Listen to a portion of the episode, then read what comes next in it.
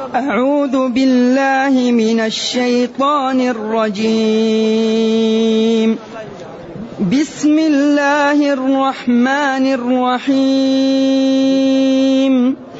لتجدن أشد الناس عداوة للذين آمنوا اليهود والذين أشركوا ولتجدن أقربهم مودة للذين آمنوا الذين قالوا إنا نصارى.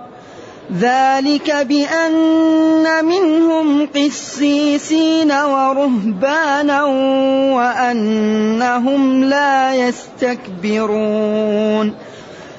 وإذا سمعوا ما أنزل إلى الرسول ترى أعينهم تفيض من الدمع مما عرفوا من الحق يقولون ربنا آمنا فاكتبنا مع الشاهدين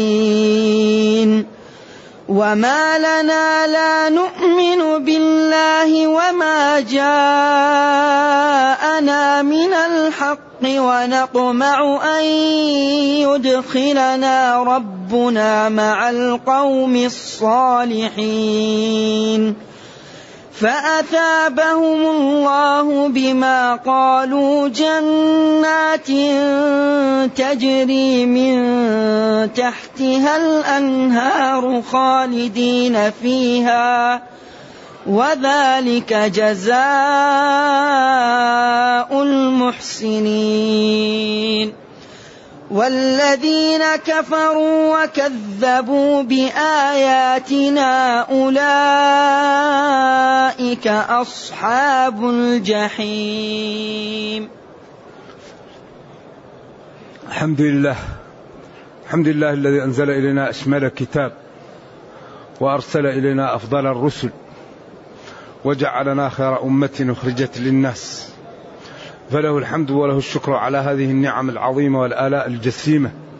والصلاة والسلام على خير خلق الله وعلى آله وأصحابه ومن اهتدى بهداه. أما بعد فقبل أن نبدأ في بيان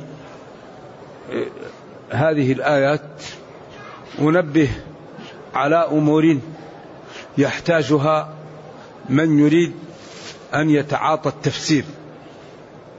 لأن التفسير هو مجمع العلوم. لأن التفسير من الفسر والفسر هو البيان وهو توضيح كلام الله تعالى. التفسير هو توضيح وتبيين القرآن. وهذا يتطلب من المفسر علما وفهما واحتياطا. لأن الله تعالى أخبر عن كتابه أنه تبيان لكل شيء. فامتن على نبيه وخاطبه بقوله ونزلنا عليك الكتاب تبيانا لكل شيء. وما دام القرآن تبيانا لكل شيء فتفسيره يحتاج من المفسر إلى معرفة بأمور عديدة. لذلك إذا أردنا أن نعرف التفسير فنقول إنه توظيف المعارف لفهم كتاب الله تعالى. التفسير هو أن نوظف العلوم والمعارف لبيان القرآن. فالمفسر يحتاج إلى جانب من النحو وإلى جانب من الصرف وإلى جانب من أصول الفقه وإلى اللغة العربية وبالأخص المفردات الموجودة في كتاب الله تعالى.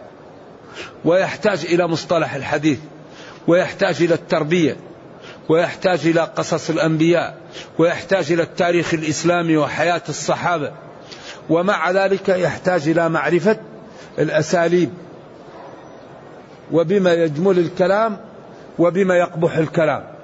إذا حقيقة التفسير أن يوظف طالب العلم المعارف لإيضاح كتاب الله تعالى. وهذه الآيات هي من سورة المائدة. وسورة المائدة من السور المدنية التي نزلت متأخرة. إلى حد ما وهي مليئة بالأحكام. حتى قالوا لم ينسخ فيها إلا آية لا تحلوا شعائر الله بقوله ولا آمين البيت الحرام ثم آية وأن احكم بينهم بما أنزل الله أو أعرض عنهم. قال بعض العلماء إنه مخير وقال بعض العلماء إن التخيير رفع بقوله وأن احكم بينهم بما أنزل الله. وسبق أن أشرنا إلى أن معرفة المكي والمدني من فوائدها فهم تدرج التشريع ومعرفة الناسخ من المنسوخ. فالناسخ هو المتأخر والمنسوخ هو المتقدم. وإذا أردنا أن نفسر كتاب الله تعالى فأول شيء ينبغي أن نهتم به مفردات اللغة. هذا رقم واحد. الحرض السارب الإل الرغام الشواء الدسر. هذه مفردات في القرآن. لا بد أن نفهم معانيها. لذلك أول ما يحتاج له المفسر هو معرفة مفردات اللغة أو مفردات ما ورد من اللغة في القرآن. فالسارب المنفلت على وجهه والحرض مقاربة الهلاك والدسر المسامير والرغام التراب والشوى الأطراف والتخوف التنقص. ثانيا نحتاج إلى النحو والصرف معرفة الإعراب معرفة ما يدخل لبنية الكلمة. كما قال تعالى لا تضار والدة فوالدة لا يمكن أن تعرب إلا إذا فككنا الإضغام. تضار. ما هو الراء مضغم في الراء؟ والدة كيف نعربها إذا لم نفك الإضغام؟ فإذا فكينا الإضغام كانت والدة فاعل أو نائب فاعل ففهمنا. تضارر أو تضارر. فالمفسر يحتاج إلى النحو وإلى الإعراب. ولذلك كثير من طلاب العلم لو تقول له اعرب لي إلا أن يعفونا.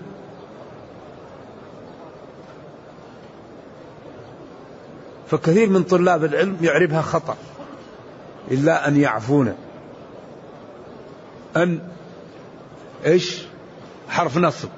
يعفون فعل مضارع إيش؟ إيش نوعه ما في أحد معه صحبة مع سيبوي؟ في خلطة أو صداقة مع الإمام سيبوي؟ يعفون هنا فعل مبني لاتصاله بنون الإناث. وأعربوا مضارعا عريا من نون توكيد مباشر ومن نون إناث.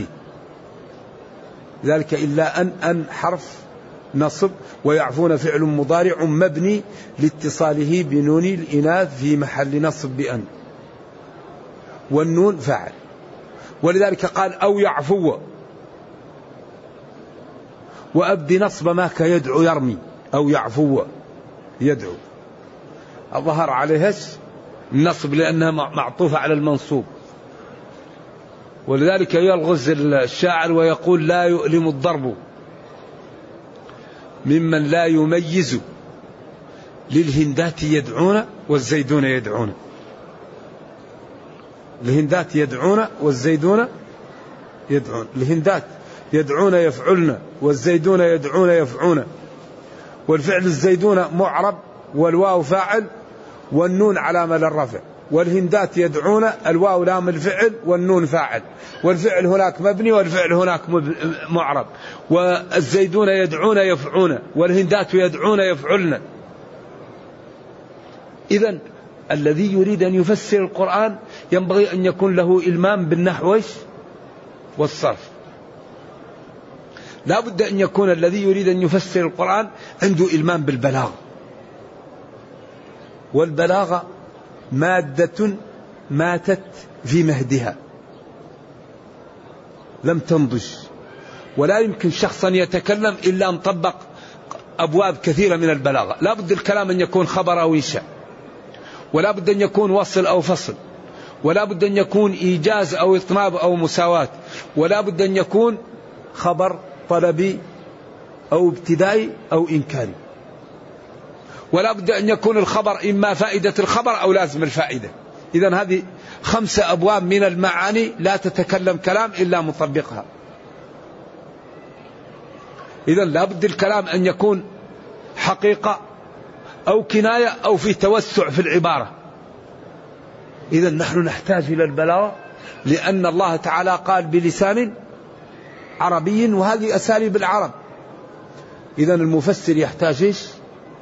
إلى فهم البلاغة والبلاغة تتكون من ثلاثة كتب.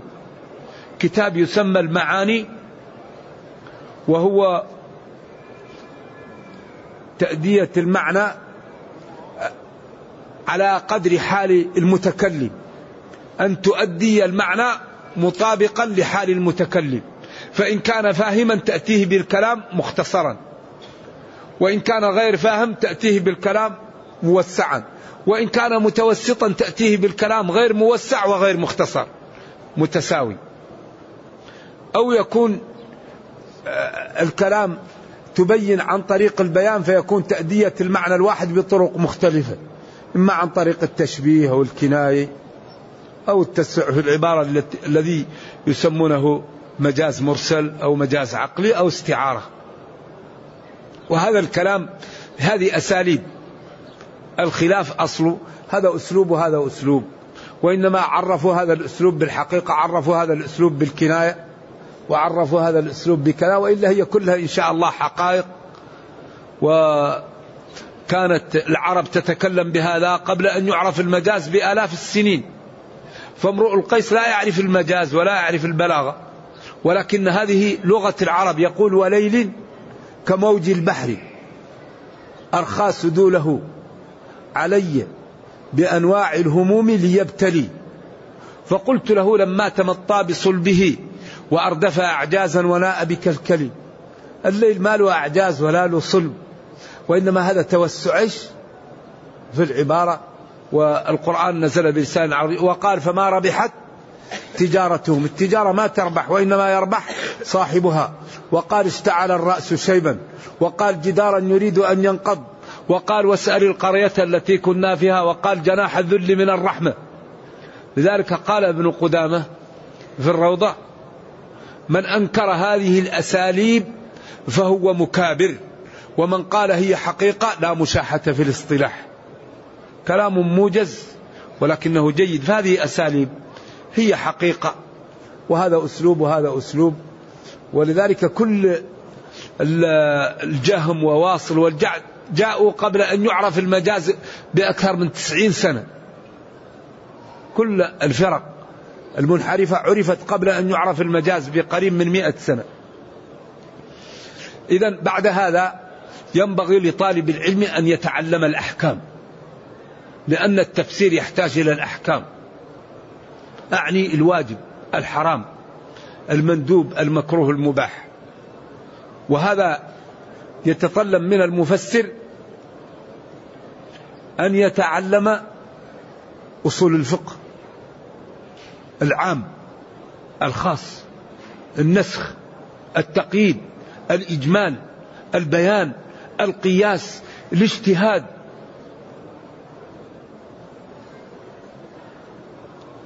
ينبغي للمفسر أن يتعلم مصطلح الحديث لأنه إذا جاءه حديث مبين للآية ولم يكن له الأهلية في أن يرجع ويعلم الطرق التي يعلم بها الحديث الصحيح من الضعيف يقع في ورطة. إذا يحتاج لمعرفة الحديث الصحيح من الضعيف وأن يعرف الطرق التي يستدل بها على ذلك كما يعرف الوضاعين والذين لا تقبل روايتهم ويعرف الذين تجاوزوا القنطرة ويعرف من هم مختلف فيهم. إذا لا بد لمن يريد أن يفسر أن يكون ملما بماذا؟ بالحديث. إذا معرفة الناس كذلك معرفة الناسخ والمنسوخ ومعرفة أسباب النزول لأن هذه الأمور لا تعلم إلا عن طريق الأحكام معرفة الأحكام. النسخ حكم. الحديث الصحيح هذا تأخذ منه الأحكام. الحديث الضعيف لا يستدل به ولا يعمل به. إذا الأحكام الشرعية وتطلب منا معرفة الناسخ والمنسوخ وأسباب النزول ومعرفة الحديث الصحيح من الضعيف ومعرفة طرق الاستنباط وطرق الترجيح وترتيب الأدلة كل هذا يقع تحت طائلة الأحكام. ثم بعد ذلك تأتي النقطة الخامسة وهي معرفة السياقات التي ترد فيها الآيات. لأن معرفة سياق الآية لمن يريد أن يفسر مهم جدا. هل سياق أحكامي. هل سياق وعيدي هل سياق وعدي هل سياق توحيد هل سياق قصص. ولذلك كثير ما يهرع كبير المفسرين إلى السياق للترجيح.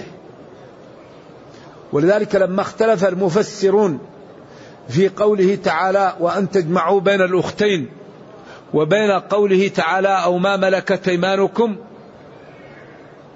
لما اختلفوا في ذلك رجحوا بالسياق قالوا هذا السياق في أحكام النساء في سورة النساء. أما سياق الإباحة هذا في, في, في معرض الامتنان. فقدموا التحريم على الإباحة لأجل سياق الآيات. قالوا أحلتهما آية كما قال عثمان وحرمتهما أخرى. إذا لكن قالوا هناك وأن تجمعوا بين الأختين في معرض أحكام النساء. حرمت عليكم أمهاتكم وبناتكم. فقالوا إذا التحريم يقدم لوجود السياق في مكان النساء. وكثيرا ما يعني يكون من أسباب الترجيح سياق الآيات.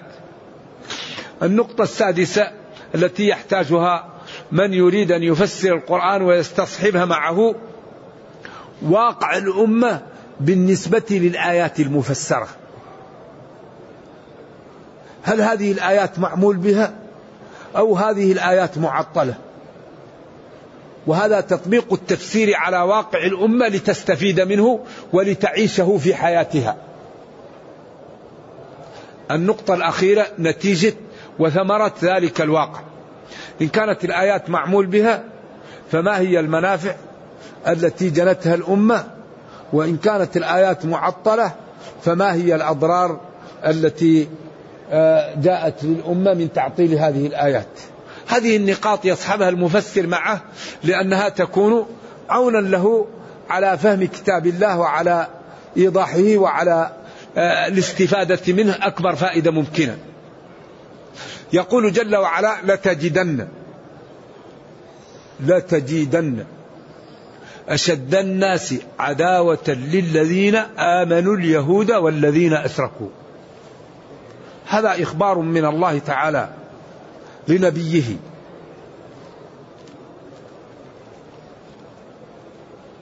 وللمؤمنين أنهم يجدون أكثر الخلق عداوة لهم قريش ومن كان في حلفهم من الكفار واليهود. والله لتجدن لتلفين أكثر الناس عداوة للذين آمنوا اليهود.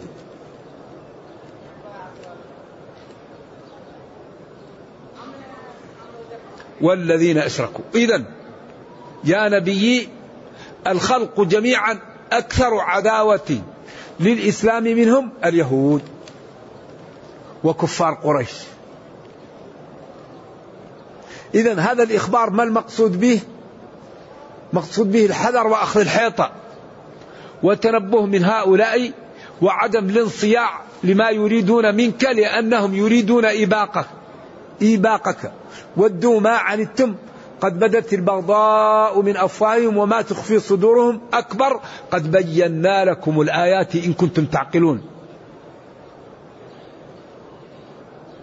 يتمنون أن المسلمين يتركون دينهم. ولذا اليهود قوم به كل ما أنعم الله عليهم قابلوا الإنعام بالإساءة. أعطاهم المن وأعطاهم السلوى ونجاهم من بني إسرائيل من, من, من القبط من فرعون وأغرق فرعون وهم ينظرون وأتاهم بنعم. لا تحصى. أنزل عليهم الغمام والمن والسلوى وخرج لهم الماء من الحجر. وكل ما أعطيت لهم نعمة قابلوها بالكفران. فلذلك أخبر الله أنه يفرقهم ولا يجتمعون. وأخبر أنه يسلط عليهم من يسومهم سوء العذاب إلى قيام الساعة. وأخبر أنهم إن عادوا إلى الإفساد عاد عليهم بالتنكيل. قال وقطعناهم في الأرض. يهود نيويورك يهود الفلاشة يهود المغرب يهود السوفيت مقطعون. وقال وإذ تأذن ربك ليبعثن عليهم إلى يوم القيامة من يسومهم سوء العذاب. وقال وإن عدتم إن عدتم للإفساد عدنا عليكم. لذلك كلما عاهدوا عهدا نبذه فريق منهم. ولا يأتوا لبلد إلا أشاعوا الرذيلة والفواحش ونوادي الضلال ونوادي يعني أعوذ بالله القذارة والوساخة وأشاعوا الربا. ما يدخلوا إلا أفسدوه. لذلك أكبر شيء نعوق به أعداءنا ونعوق به من يريد الإيقاع بنا هو أن نستقيم. أكبر ما ينصر المسلمين الاستقامة. أكبر ما يجعل المسلمين ينتصرون الاستقامة. كيف ذلك؟ لأننا إذا استقمنا أعددنا. لأننا إذا استقمنا لم نختلف. لأننا إذا استقمنا اهتممنا بالقوة. لأننا إذا استقمنا اهتممنا بالوحدة. لأننا إذا استقمنا اهتممنا بالعقول. لأننا إذا استقمنا اهتممنا بالاستشارة. لأننا إذا استقمنا اهتممنا بالمؤسسات. كل شيء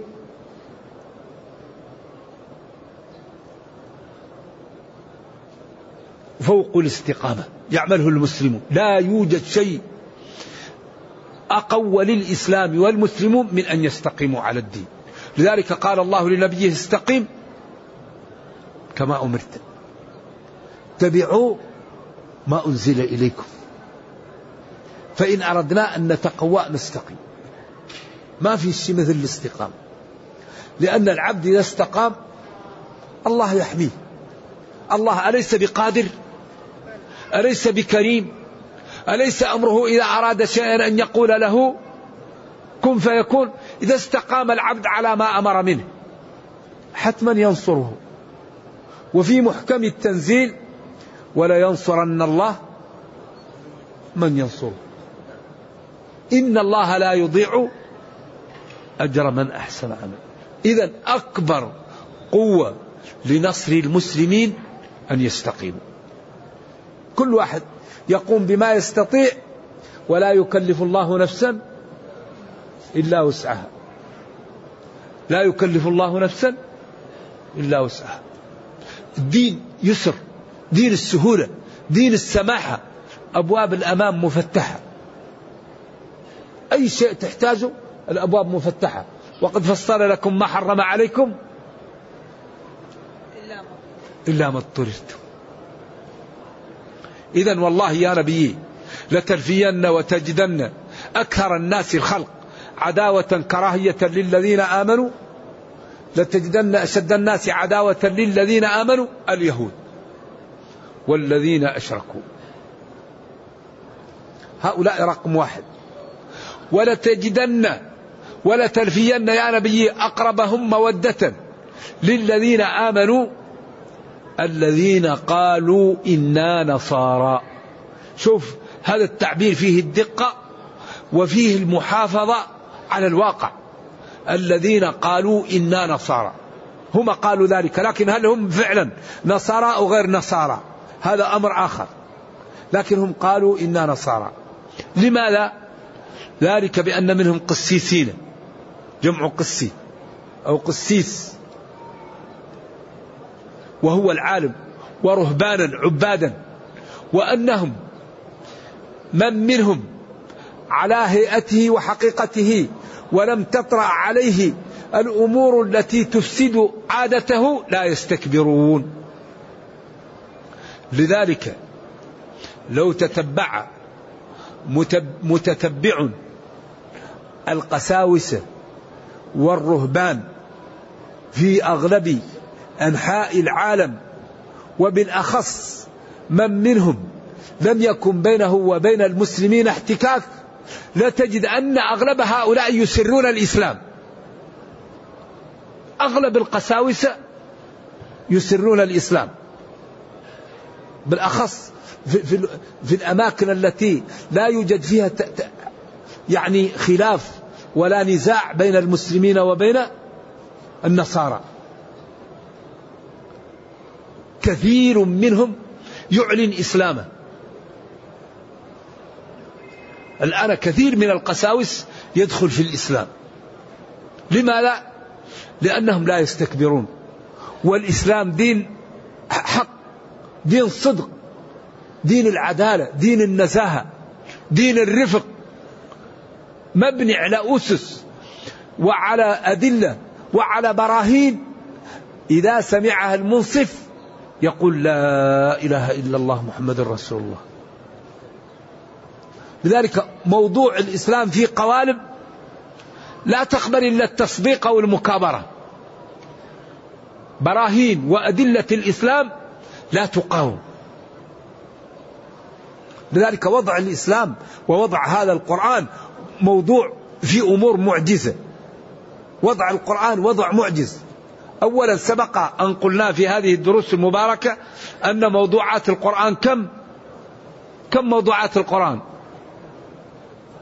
سبعة. القرآن جاء يبين سبعة علوم. التوحيد والنبوات والميعاد والأحكام والوعد والوعيد والقصص. هذا على سبيل ماذا؟ على سبيل البسط وعلى سبيل الإيجاز القرآن جاء يبين ثلاثة جمل. الله معبود بحق ومحمد صلى الله عليه وسلم مرسل من عند الله ووعد المصدق به الجنة وأوعد المكذب به النار. هذا على سبيل؟ الاختصار على سبيل البسط. هذه الأمور السبعة. وهذه الأمور السبعة مبينة في الفاتحة. مشار إليه توحيد الحمد لله توحيد الألوهية رب العالمين توحيد الربوبية الرحمن الرحيم توحيد الأسماء والصفات مالك يوم الدين الميعاد اهدنا الصراط المستقيم الشريعة. أنعمت عليهم هذا الوعد المغضوب عليهم الوعيد أنعمت عليهم والمغضوب عليهم هذه القصص. اهدنا الصراط المستقيم. هذه الشريعة والأحكام. ثم هذا القرآن كل جملة وراء جملة متمسكة بها. فلذلك هذا الدين ما هو قابل إلا للتسليم. وضع موضوع في قوالب عجيبة معجز. لذلك لما بين القرآن في الفاتحة بدأ يشرحه في سورة البقرة. ثم بدأ يشرح القرآن بعد ذلك. فالقرآن المعاني التي يأتي بها كالرمية في البحر تتخذ دائرة صغيرة ثم دائرة كبيرة ثم دائرة كبيرة. فهو جاء بطرق عجيبة. ثم قال ألف لام ميم ذلك الكتاب. الصراط المستقيم هو ذلك الكتاب. ما هو ألف لام ميم؟ حروف مقطعة هي اللي يتكون منها القرآن. أنتم أهل فصاحة وبلاغة ووصلتم إلى العلياء في ذلك. وهو أمي لا يقرأ ولا يكتب. فالألف من الحلق واللام من اللسان والميم من الشفتين والحروف إما حلقية أو في اللسان أو في الشفتين. إذا كل الحروف متكونة من هذا وأنتم أصحاب فصاحة وبلاغة فإن كنتم مكذبين به فأتوا بمثله. فإن عجزتم فاعلموا أنكم عرضتم أنفسكم للهلكة وللورطة. ثم جاء بصفات المؤمنين ثم جاء بصفات الكافرين ثم جاء بصفات المنافقين ثم نادى الجميع وأتى بلا إله إلا الله محمد رسول الله مفرقة بأدلتها عن طريق البراهين النيرة وعن طريق الأدلة الواضحة. فلم أعط... وصف المسلمين وأعطاهم جزاءهم ووصف الكافرين وأعطاهم جزاءهم ووصف المنافقين وأعطاهم جزاءهم ونادى الطوائف الثلاثة قال يا أيها الناس أي يا مسلمون يا كافرون يا منافقون إيش؟ اعبدوا ربكم. هذا أول أمر في المصحف. من هو ربنا الذي نعبد؟ ذكر خمسة لا يقدر عليها إلا الله. الذي خلقكم وخلق آباءكم وخلق السماء وخلق الأرض وأنزل المطر من السماء وأخرج النبات من الأرض. هل غير الله يمكن يفعل هذا؟ ثم جاء بأول نهي في المصحف فلا تجعلوا لله أندادا. إذا هذا معناه لا إله إلا الله. فحظ النفي منها فلا تجعلوا لله أندادا. وحظ الإثبات منها اعبدوا ربكم. ثم جاء ببرهان محمد رسول الله عن طريق الإقناع والإنصاف وعن طريق مخاطبة العقول النيرة والأحاسيس الجياشة. فقال جل وعلا وإن كنتم في ريب مما نزلنا على عبدنا فأتوا ما قال فقد كفرتم. إذا هذا لا إله إلا الله محمد رسول الله. بعد تقسيم الناس إلى مسلم وكافر ومنافق. وبعد تلخيص القرآن في الفاتحة. إذا حري بنا أن نفهم هذا الكتاب. وأن نعطيه الوقت. وأن نتدبره. وأن نعلم أنه هو العز. وهو الكرامة. وهو الرفعة. وإذا أردنا شيئا نبحث عنه فيه نجده. تبيانا لكل شيء. ما فرطنا في الكتاب من شيء. أولا نكفيهم أن أنزلنا عليك الكتاب يتلى عليهم. فأجره حتى يسمع كلام الله. أبعد كتاب الله نحتاج إلى شيء؟ ثم قال وإذا سمعوا هؤلاء النصارى ما أنزل إلى الرسول محمد صلى الله عليه وسلم من القرآن ترى أعينهم تفيض من الدم. تسيل لأجل ما عرفوا من الحق. تفيض من الدمع مما عرفوا من الحق. إيش بعد هذا؟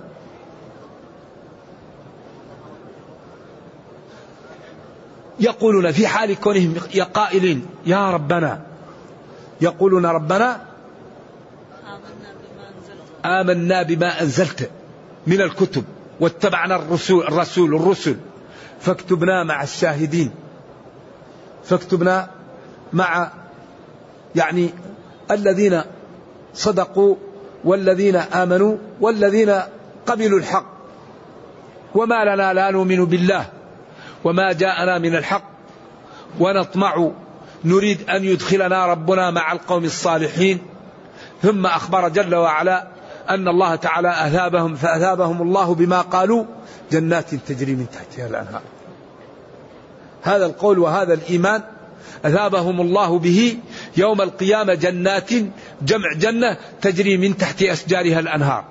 خالدين فيها. إيش أعطيني المصحف لو تعطيني. جنات تجري من تحتها خالدين فيها. وذلك جزاء المحسنين. والذين كفروا وكذبوا بآياتنا أولئك أصحاب الجحيم. إذا هذا الكتاب كما ذكرنا جاء لإنقاذ البشرية.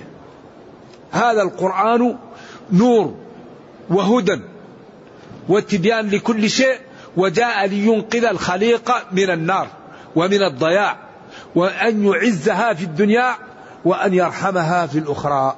قال تعالى وأنزلنا إليكم نورا مبينا. وقال وجعلناه نورا نهدي به. الله جل وعلا نور الكون بهذه القمر والشمس وبإرسال الرسل وبهذا الكتاب. نور حسي ومعنوي.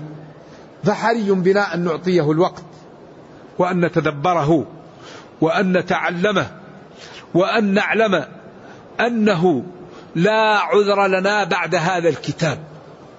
لا يوجد شيء نحتاج إليه إلا وهو مبين لنا. ولا يوجد شيء يضرنا إلا وهو مبين لنا. لذلك قال جل وعلا فأثابهم الله بما قالوا جنات تجري من تحتها الأنهار خالدين فيها وذلك جزاء المحسنين. القرآن إذا أتى بالأوامر أو أتى بالنواهي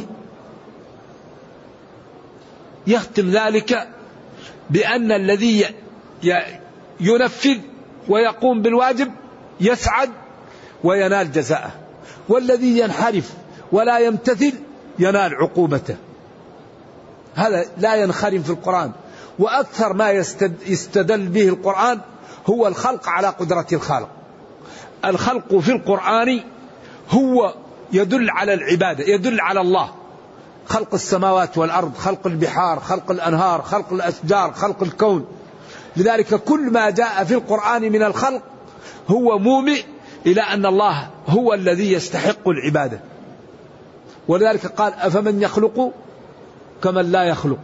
ويقول جل وعلا يخلقكم في بطون أمهاتكم خلقا من بعد خلق في ظلمات ثلاث ظلمة البطن.